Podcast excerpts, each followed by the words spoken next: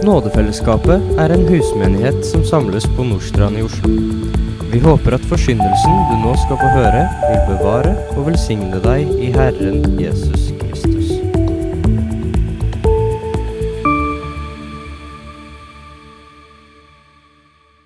Kjære Herre, vi ber deg om at eh, ditt ord nå kunne få lov til å lyde klart og rent til eh, oppmuntring, til visshet, til glede og fred, Herre. Det ber jeg om i Jesu navn.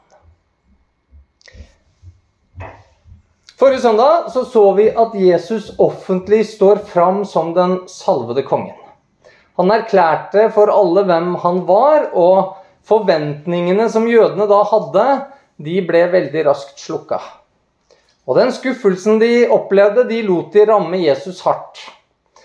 Og Det var fordi de kjente ikke sin besøkelsestid. De var altså ikke våkne, de hadde ikke forstått Skriftene, og Jesus han holdt de ansvarlig for å forstå de. Og alt dette skyldes et presteskap, et religiøst lederskap, som var frafallende.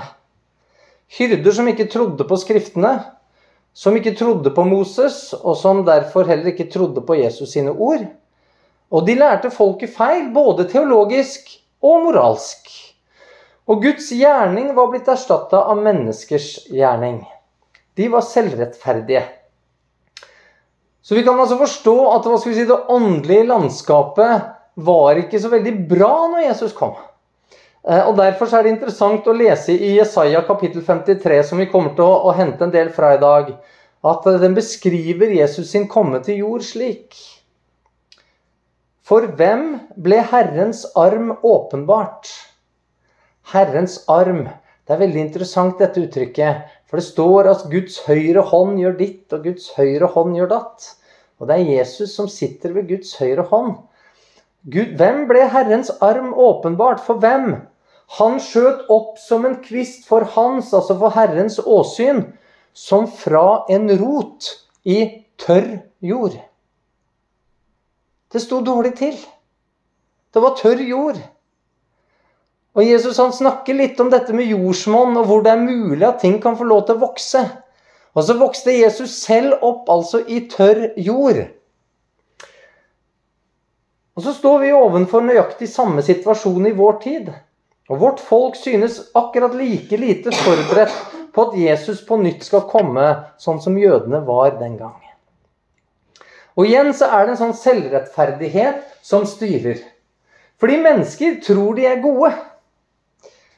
De, de, trenger jo ingen frelser. Ben Shapiro er det kanskje noen her som vet hvem er. Og han vitner om at jøder i dag de er akkurat like ødelagt av falsk lære nå som de var for 2000 år siden. Han sier dette. Anger vasker deg fri for synd. Tro det eller ei. Når du angrer, tar du byrden av din egen synd og gjør den til en bragd ifølge talmodisk argumentasjon. Første jeg må spørre meg, da, er Talmud inspirert av Den hellige ånd? Hvilken autoritet har den samlinga med skrifter? Er det Guds ord? Kan det som står om anger der i Talmud, bekreftes av det som står i Toran eller resten av Tanakken, altså Det gamle testamentet? Nei, dette her er menneskers lære. Det er menneskelige tradisjoner. Og når mennesker skal forsøke å løse problemet som påsken omhandler, så blir det galt. Og Ben Shapiro han mener altså at vi, tro det eller ei, kan stole på menneskers ord som antar, ja egentlig gjetter seg til at vi selv har makt til å omgjøre vår synd til egen rettferdighet. Til en bragd. At anger kan erstatte frelseren. At anger er det vi, du og jeg, kan møte Gud med, og som gjør at det ovenfor Gud så oppfyller vi hans krav, nemlig om fullkommenhet. Tidligere så har vi snakka litt om dette med anger. Og det kan være så mangt. Det kan forekomme mye anger som egentlig bare handler om konsekvensene av synd. Man syns det var leit at det ble sånn. Og ikke at man angrer det gale man faktisk gjorde. Og uansett så vil aldri anger klare å rette opp i konsekvensene, gjør det vel? Du blir ikke frisk av den kjønnssykdommen du fikk ved at du angrer. Den blinde får ikke syn igjen. Den døde står ikke opp av graven og morderen angrer på det han gjorde. Talmud det ble ferdigskrevet over 400 år etter at jødene mista sitt tempel. I år 70. Og de hadde altså ikke noe sted å ofre syndoffer lenger. Og I lys av dette så er det kanskje ikke så rart, siden jødene hadde fornekta Jesus, at de må på en måte prøve å finne opp en eller annen måte som kan løse dette problemet med synd. Det er ganske naturlig når du begynner å tenke på det. Og Likevel så må jeg bare si, og hvis Ben Shapiro noen ganger skulle høre dette oversatt Det er altså ganske flaut at han både kan si og tro noe sånt. Det er altså så naivt. Det, det er å tro på en form for magi, venner. Der, der anger er en annen trylleformel som på mystisk vis omgjør synd til noe godt som kan brukes til selvhevdelse. Dette hele vitner egentlig om et desperat forsøk på å løse menneskets grunnleggende problem. Så er Ben Shapiro veldig intelligent. Men han står, i hvert fall enda, som et tydelig bevis for at Guds ord har rett når det sier at Gud vil gjøre det vise til skamme gjennom å velge seg ut det som er dåraktig i verden. Og Shapiro og mange andre kunne lært svært mye av påskens budskap. For der møter vi to mennesker som begge syndet, og som begge angra veldig på det de hadde gjort. Og Judas han gjør alt det som menneskelig sett var mulig å gjøre. Han bekjente, og han sa 'Jeg syndet da jeg forrådte en uskyldig og sendte han i døden'. Han er åpen. Han bekjenner sin synd. Han er klar på at det var galt. Han, han, han gir fra seg pengene han fikk. Ja, han oppsøker til og med yppersteprestene i håp om å få tilgivelse. Om du skulle gå i en kirke som lærer at en prest kan frita et menneske fra synd, såkalt indikativ absolusjon på fint, så kan du godt lære av historien om Judas. Han forsøkte selv å rette opp i den urett han hadde begått, og han søkte et presteskap for å bli fri fra synd. Det var ikke mulig. Selv for ypperstepresten. Ble hans skyld omgjort til en bragd for Gud ved hans anger? Nei, det ble den ikke. Alle menneskelige oppskrifter for å bli fri fra nøden, dommen og døden, de ender opp enten med å ta bort menneskets ansvar, eller å gi mennesket et ansvar de ikke har. Og Påsken den endrer alt dette. Den rammes inn av tre ord. Det er fullbrakt. Det er noe som skjedde der på korset, som fullførte en gjerning. En gjerning som det var blitt profetert om i flere tusen år allerede. Det som blir fullbrakt, sier Salme 118 vers 22, er Javes eget verk. Underfullt er det i våre øyne. Mennesker har aldri likt at dette som ble fullbrakt, skulle være Herrens verk. Det er derfor denne steinen som Salme 118 i verset før sier er blitt forkastet av bygningsmennene. Men det er altså den steinen som er hjørnesteinen. Det er den som holder hele frelsesbyggverket oppe. Og om du altså undrer deg over at det er religiøse og mennesker som kaller seg kristne, som ikke vil tro på det som Gud har åpenbart i Bibelen om Guds verk, det Gud har gjort, så kan du være klar over at det er jo nettopp bygningsmennene som forkastet steinen. Altså de som selv ønsker å bygge på sin egen frelse. For dem som derimot tror, det som er Jave sitt verk, som tror på det Gud sier han har gjort, så er det altså underfullt i våre øyne.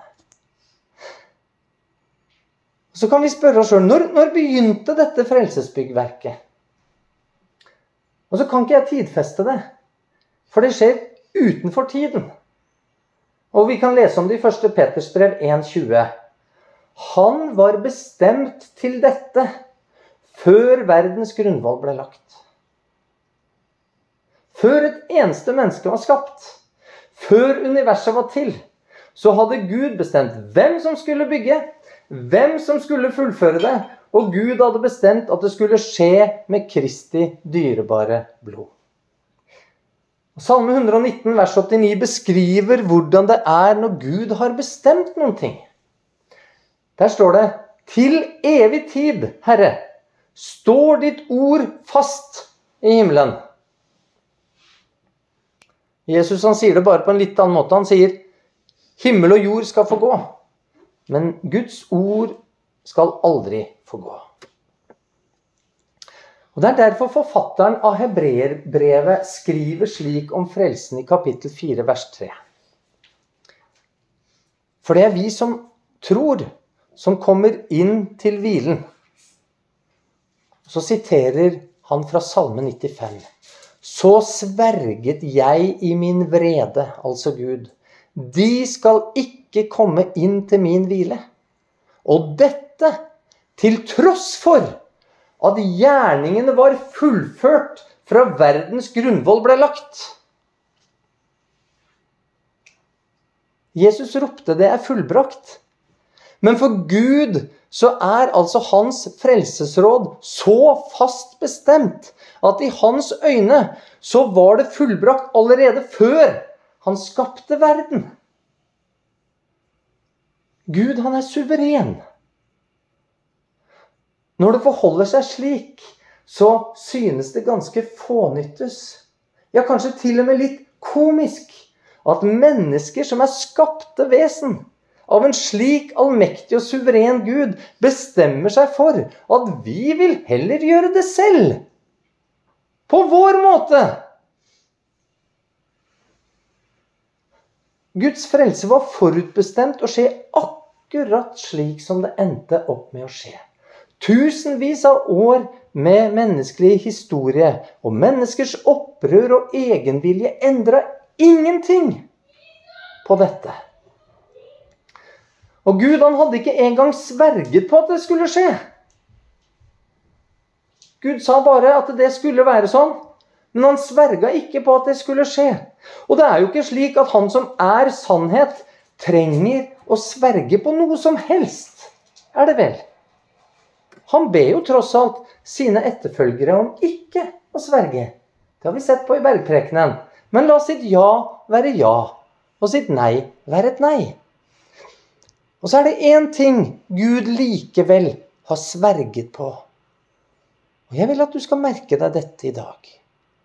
Gud har sverget på at den som ikke vil tro på Hans ord om hvordan dette frelsesverket skulle fullføres. Det ordet som står fast til evig tid, han skal aldri komme inn til hans hvile. Det sverget han på. Om du etter dette ikke forstår hvor avgjort frelsen er i Guds øyne, da må du be om å få troens gave. Det hjelper ikke at du er et godt menneske, eller et smart menneske, eller et jødisk menneske. Om du ikke vil forholde deg til påskens budskap, så har den allmektige Gud sverget på at du aldri vil komme inn til hans hvile. Og det finnes kirker som kaller seg kristne, der de underviser at det fins en skjærsild. Et sted der man selv må sone for synd en har gjort. Der man etter en stund slipper inn til Guds hvile. Og det, min venn, det er ikke noe du finner i Guds plan. Og slik lære gjør Gud til en løgner, for da er det ikke fullbrakt. Den som tror noe slikt, står altså i fare for aldri å komme inn til Guds hvile. Gud har altså i sin vrede sverget på at bare de som tror på det som ble fullbrakt på Golgata, vil slippe inn. Du kan ikke legge noe til. Fullbrakt. Og Bibelen er åpenbart denne forutbestemte planen også inn i det forgjengelige. Inn i tiden. Og dette er en av de store bevis for at kristen tro er noe annet enn alt annet. For om Gud hadde gjort dette annerledes, så ville ikke jeg kunne vite om han var sannferdig, eller at han var allmektig. For da kunne det virke som om Gud var feilbarlig. At han måtte se an hva, hva, menneskene fant på for noe tull. Og så måtte han endre planene sine litt sånn, sånn at det passa etter hvert. Nei, slik er det ikke. Og Derfor så ser vi åpenbaringen om Guds fastsatte verk helt fra begynnelsen av første Mosebok, i kapittel 3, vers 15. Fiendskap setter jeg mellom deg og kvinnen, mellom din ett og hennes ett. Han skal knuse ditt hode, og du skal knuse hans hæl. Og 4000 år etterpå, når Jesus red inn i Jerusalem på palmesøndag, så sa han Nå holdes dom over denne verden. Nå skal denne verdens fyrste kastes ut. Når jeg blir opphøyd fra jorden, skal jeg dra alle til meg. Jesus han tok tilbake igjen makten over denne verden som Adam mista til Satan. Satan tilbød Jesus alle jordens riker om han bare ville falle ned og tilbe ham, fordi han kunne det. Han hadde den makten til å gi det. Han løy ikke for Jesus da. Når Jesus er regjerende konge, så kan han dra alle til seg. Han kan frelse dem, men da måtte han bli løftet opp fra jorden. Og Guds frelse er blitt åpenbart og gitt frampek på mange, mange steder i Bibelen gjennom menneskets historie for å vitne for deg og meg at dette er sant. Vi kan se f.eks. før flommen at den som vandrer med Gud, den vil unnslippe døden. Ja, Enok gjorde det. Den som vandrer med Gud, kan unnslippe døden.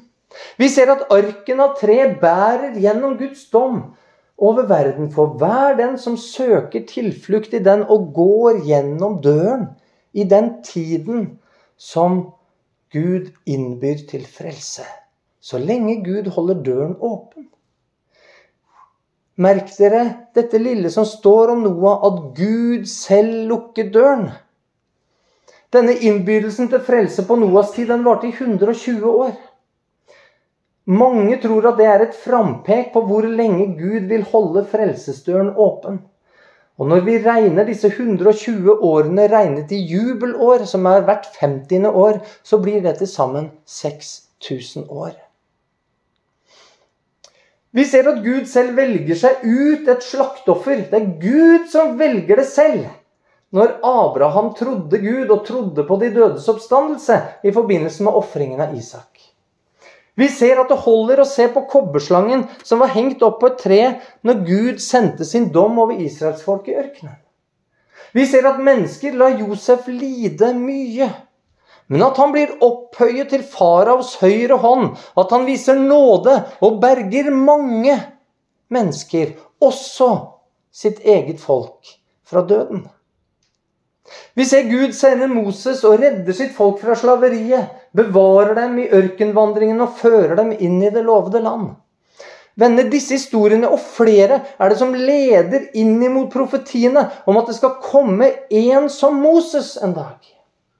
En som er kongelig, men som blir en gjeter. En som er lovlærer og tjener for sitt folk. Og på tross av så mange historier og profetier, så er likevel Bibelen altså klar på at den steinen som Gud har utvalgt, vil bli forkastet av mennesker. Og I Jesaja 53 så leser vi han var foraktet og forkastet av mennesker. En smertenes mann, vel kjent med sykdom. Folk skjulte sitt ansikt for ham. Han var foraktet, og vi regnet ham for ingenting.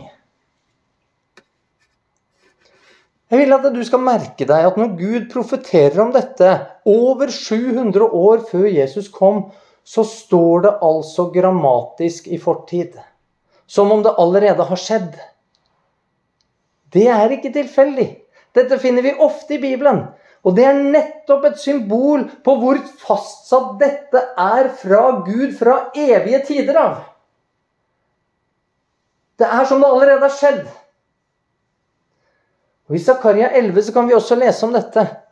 Ikke bare er det mennesker som ikke liker den Gud sender for å frelse, men teksten viser at Guds langmodighet vil ta slutt overfor dem som ikke vil omvende seg. De som stadig vender om ryggen, vil Gud overlate til dom. Zakaria blir bedt av Gud om å spille skuespill. Og I dette skuespillet så skal Zakaria spille en god hyrde.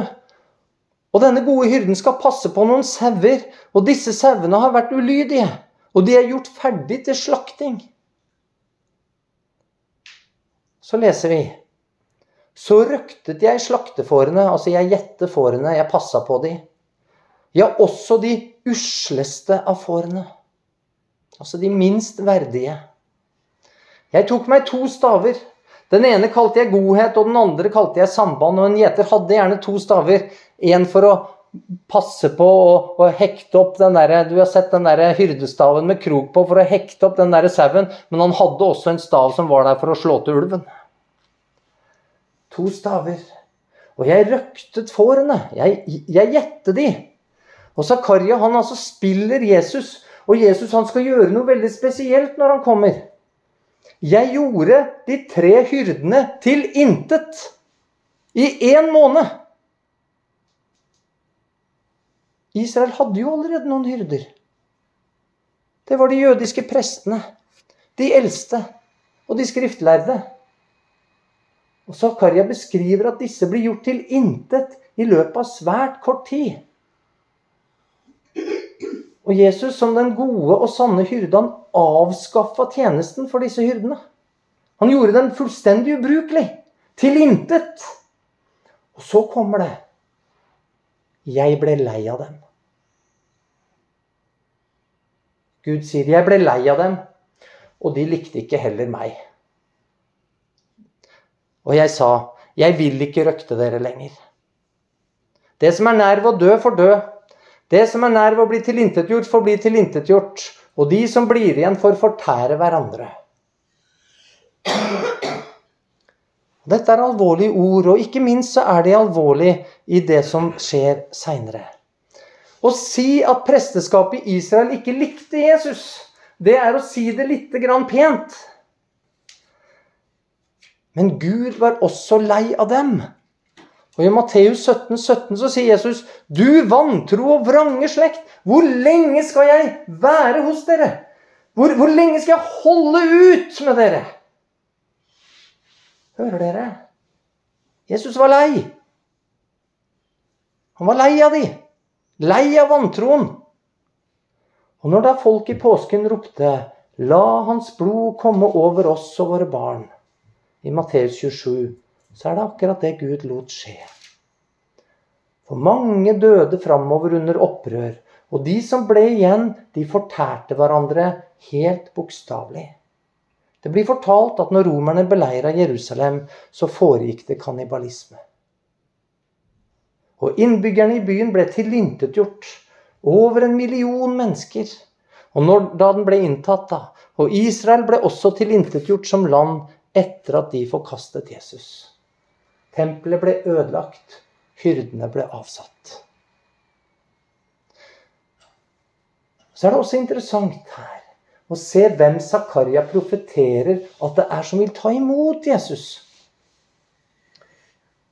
Og slik skjønte de usleste av fårene, de som aktet på meg, at det var Herrens ord. Hvem var det som hang med Jesus? Var det ikke tollere? Var det ikke prostituerte?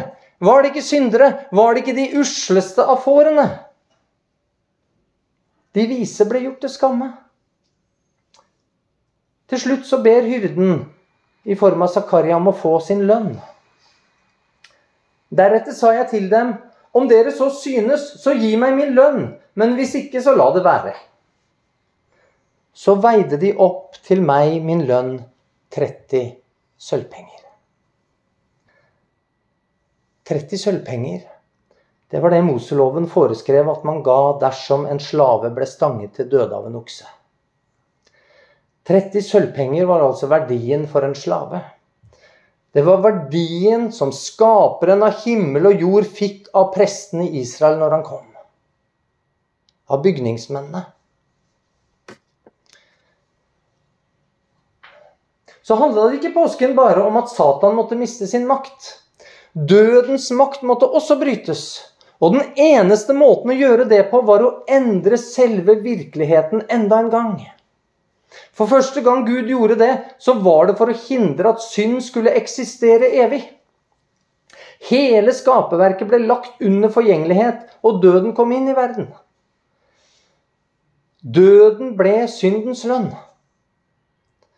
Siden alle mennesker synder, så måtte Gud derfor finne en måte å sone for syndens konsekvenser. Sone på en slik måte at mennesker av fri vilje aldri igjen ville velge synd. Aldri ville velge bort Gud og Guds vilje. Bare den måten kan føre til at døden vil kunne opphøre. At døden vil kunne oppheves. Og Det er dette vi leste om forrige søndag i Daniels bok kapittel 9, der jødene og Jerusalem ble gitt 69 uker før den salvede kongen skulle stå fram. Og etter denne 69. uken så skal Messias på tre måter handle med synd. Han skal innelukke overtredelser, gjøre slutt på syndene og gjøre soning for misgjerning. Og Slik kan dødens makt overvinnes og derfor så kan den salvede kongen altså føre fram en evig rettferdighet, som engelen Gabriel sier til Daniel. Men det går fram av profetien i Daniel at en slik seier, en slik voldsom seier, den kommer ikke uten offer. Og Gjennom hele Bibelen så ser vi det er blitt krevd offer. Mennesket er blitt kondisjonert, om du vil, til å forstå at synd krever offer. Vi ser det helt ifra Kain og Abel sin tid. Og dette videreføres fremover helt til Moses innfører offerseremonien i tabernaklet. Og disse blir videreført i tempeltjenesten helt til Jesus kom. Og Daniels bok gir et hint om hva dette offeret måtte være når det står at den salvede skal utryddes. Men allerede rundt 150 år før profeten Daniel så skrev profeten Jesaja. Ved trengsel og ved dom ble han revet bort. Men hvem tenkte i hans tid at når han ble utryddet av de levendes land, så var det for mitt folks misgjernings skyld plagen traff ham? Nei, folket forsto det jo slett ikke. Selv ikke hans egne disipler forsto dette når det skjedde. Den trengsel og plage som avskaffelsen av synd innebar, kan vi lese om flere steder. Og Jesaja han nevner det når han skriver Men han ble såret for våre overtredelser, knust for våre misgjerninger. Straffen lå på ham for at vi skulle ha fred, og ved hans sår har vi fått legedom. Vi for alle vill som sauer. Vi vendte oss hver til sin vei. Men Herren lot den skyld som lå på oss alle, ramme Han. Han ble mishandlet, og han ble plaget. Og Vi kan lese enda mer detaljert om dette i Salme 22, 16-20, hvor Messias sier:" Min kraft er opptørket som et potteskår og min tunge henger fast ved mine gommer. I dødens støv legger du meg. For hunder omringer meg, de ondes hop gjerder meg inne. De har gjennomboret mine hender og mine føtter. Jeg kan telle alle mine ben. De, de stirrer, de ser på meg med skadefryd. De deler mine klær mellom seg og kaster lodd om min kappe. Men du, Herre, vær ikke langt borte. Du min styrke, skynd deg og hjelp meg. Jesus han mista så mye blod pga. de slag og den hudstrykningen han måtte gjennomgå, at tungen hang fast i gommene pga. mangel på væske. Han var tørst, leser vi. Så mye hud ble revet bort fra hans kropp at han kunne begynne å telle sine ben. De romerske soldatene, de urene, altså hundene, de omringa ham, de bura han inne, de gjennombora hans hender og føtter. Og sammen med mange andre så hadde de skadefryd mens de gjorde det. Og de delte hans klær, og de kasta lodd om kjortelen fordi den var vevd i ett stykke fra toppen til bånn. Så er det likevel ikke dette som gjør at Jesus svetta blod i Getsemane.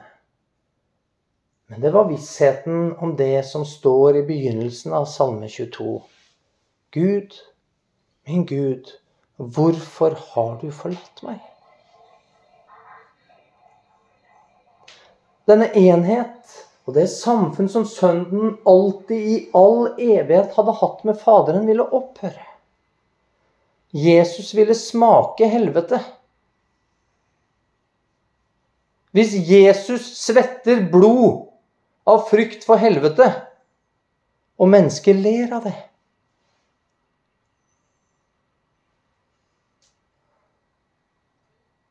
Det er en tilstand ikke noe annet menneske noen gang har opplevd. Det er derfor de ler. Total adskillelse fra det Gud er. Total atskillelse fra all kjærlighet, all sannhet, all rettferdighet. Et, et, tomrom, et mørke som vi ikke har noen mulighet til å forestille oss. Og på tross av at vi lever i en verden der fraværet av Guds karakter kan føre til grusomme ting, slik som behandlingen av Jesus i påsken vitner om, så opp opprettholdes likevel dette skaperverket av Gud. Det er ved Hans nåde vi lever og rører oss. Det, er Han som lar, i sin nåde lar sin sol gå opp og sitt regn falle til rette tid. Men Jesus opplever det totale fraværet av Guds godhet.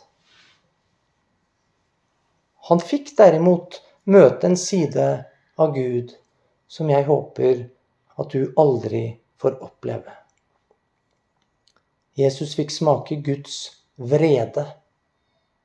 Det eneste ved Gud som vil være til stede i helvete. En vrede som sverget. En vrede som mange som kaller seg kristne, gjør alt for å dekke til. Noe som gjør at mange ikke liker påskehistorien. Som gjør at mange mener at det som ble fullbrakt på korset, ikke er slik som Bibelen forteller at det er. Og alt dette summeres opp i seks ord i Jesaja 53. Det behaget Jave å knuse ham.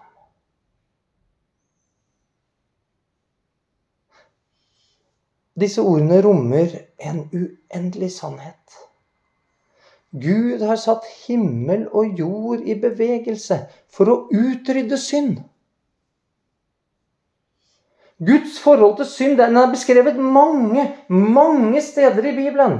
Jeg vil bare lese fra én, fra Salme 5. For du er ikke en Gud som har behag i urett. Den som er ond, får ikke bo hos deg. Overmodige får ikke stå fram for dine øyne. Du hater alle som gjør urett. Du lar dem som taler løgn, gå til grunne. Herren avskyr den blodtørstige og svikefulle mann. Gud er hellig. Han er sannhet. rettferdighet og kjærlighet. Han er tre ganger hellig. Det kan altså ikke være synd i hans nærhet uten at Gud selv ville komme i konflikt med hvem han er. Synd kan ikke bli forbigått uten dom, for da er ikke Gud lenger rettferdig. Han kan ikke se på lidelse uten at han slutter å være kjærlig. Han kan ikke la løgnen bli stående og fortsatt være sannhet. Derfor så har Gud gjort noe som er så ekstremt at du og jeg klarer ikke å fatte det. Vi elsker synd. Vi, vi unnskylder synd. Vi later som det ikke er så farlig. Det er derfor mange ikke ønsker å forstå det som skjedde på korset. Fordi det knuser menneskets illusjon om at Gud kan se gjennom fingrene med det jeg elsker. Med det jeg flørter med, og det jeg vil beholde i livet mitt. Det, det knuser illusjonen om at Gud bare er kjærlighet og elsker meg akkurat slik som jeg er, om jeg vil forbli slik som jeg er.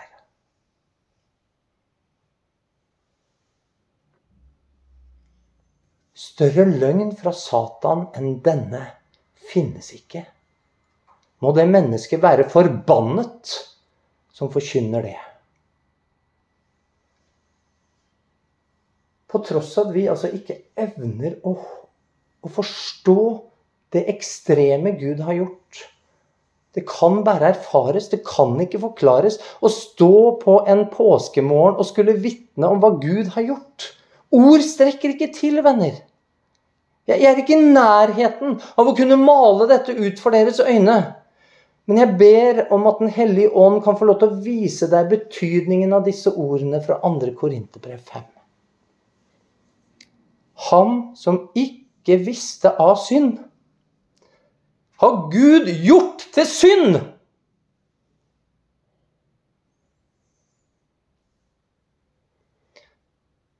Jesaja 53 sier han hadde ikke gjort noen voldsgjerning. Og det var ikke svik i hans munn, men det behaget Jave å knuse ham. Jesus hadde aldri gjort, aldri sagt, ikke tenkt noe galt. Ikke en eneste uren tanke. Når han henger der på korset, så er det som skjer, så ekstremt at det får piskingen, det får korsfestelsen, til å bli som et glansbilde. Uten særlig annen betydning enn et fattig forsøk på å grafisk fremstille noe langt, langt verre. Jesus han henger der, stripp strippa for klær der han henger på korset.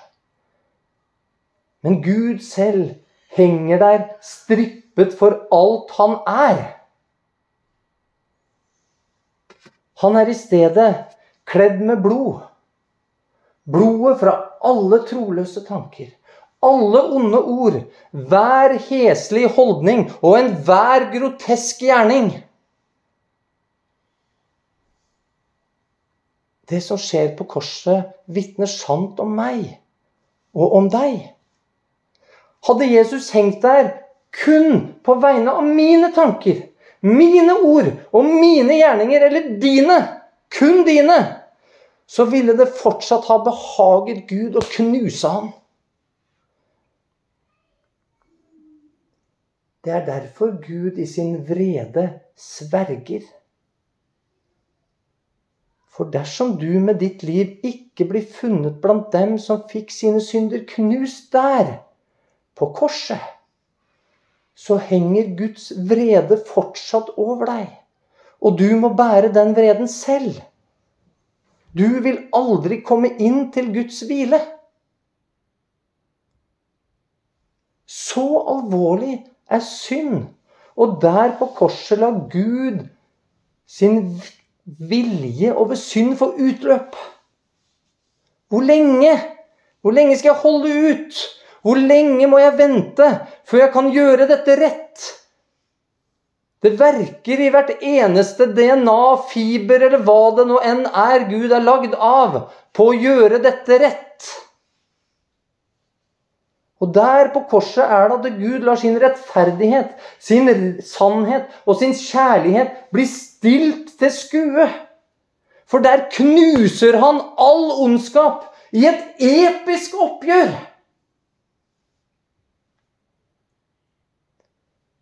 Jesus ble gjort til synd for at Gud kunne knuse synden en gang for alle uten å måtte knuse deg. Og påsken er i sannhet underfull i dens øyne som ikke har forkastet steinen Gud utvalgte. Fordi da skjedde det et rollebytte som aldri igjen vil finne sted. Når Gud så på Jesus der på korset, hva så han? Han så verdens synd. Han så deg og deg og deg, og han så meg. Han så alle dem som gjennom historien har trodd og vil tro på det vitnesbyrdet som Gud har åpenbart fra begynnelsen.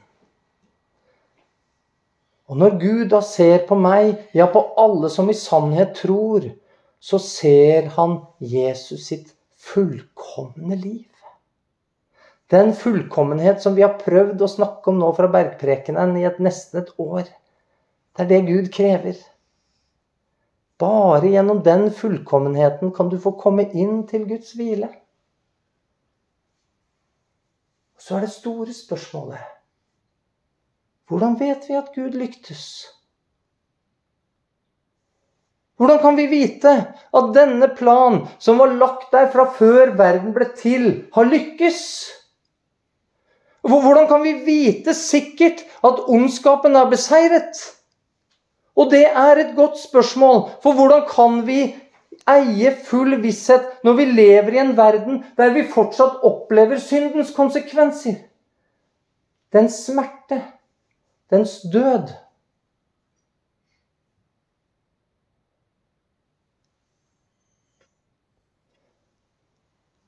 Vi kan vite det fordi morgenen kom. Vi kan vite det fordi påskemorgen kom og graven var tom. Om Gud ikke en gang for alle hadde maktet å knuse synd der på korset, på det stedet han 2000 år tidligere hadde valgt seg ut sitt eget offer når Abraham sto der, da, da, da kunne ikke Gud ha opphevet dødens makt. Om synden ikke var overvunnet, venner, så måtte døden ha gjort ende på den. Da måtte hvert eneste menneske dø uten noe håp om oppstandelse. Og dette univers måtte fått akkurat den enden som enhver eneste naturlov vitner om. Den ville forgå uten noen gjenopprettelse av en ny jord. Men graven var tom, venner når han som var gjort til synd for din skyld og for min skyld, kunne oppstå fra de døde, så var det fordi Gud visste at det offeret, det holdt. Ja, han visste at det var det eneste offer som ville holde. Og derfor så hadde han bestemt det slik, ved et guddommelig dekret, fra før verdens grunnvoll var lagt. Han hadde forordnet det slik at enhver som tror på dette, ikke skal gå fortapt, men ha evig liv. Slik elsket Gud verden. Slik elsket han deg. Og fordi graven er tom, så kan du ha full visshet om at også du som tror på dette, som holder fast på den åpenbaringen som er Ordet, som er Jesus, vil oppstå til livet. Den salvede kongen har akkurat som Daniel skrev over 500 år før Jesus kom, innført en evig rettferdighet. Verken slangen eller synden vil noen gang igjen skape et skille mellom kvinner og menn skapt i Guds bilde, som tror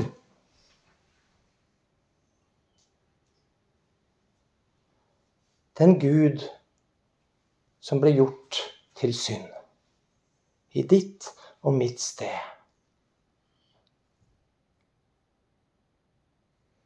For Gud, han var den eneste som hadde kapital nok til å fri deg ifra nøden, ifra dommen og ifra døden. Og da sier vi amen.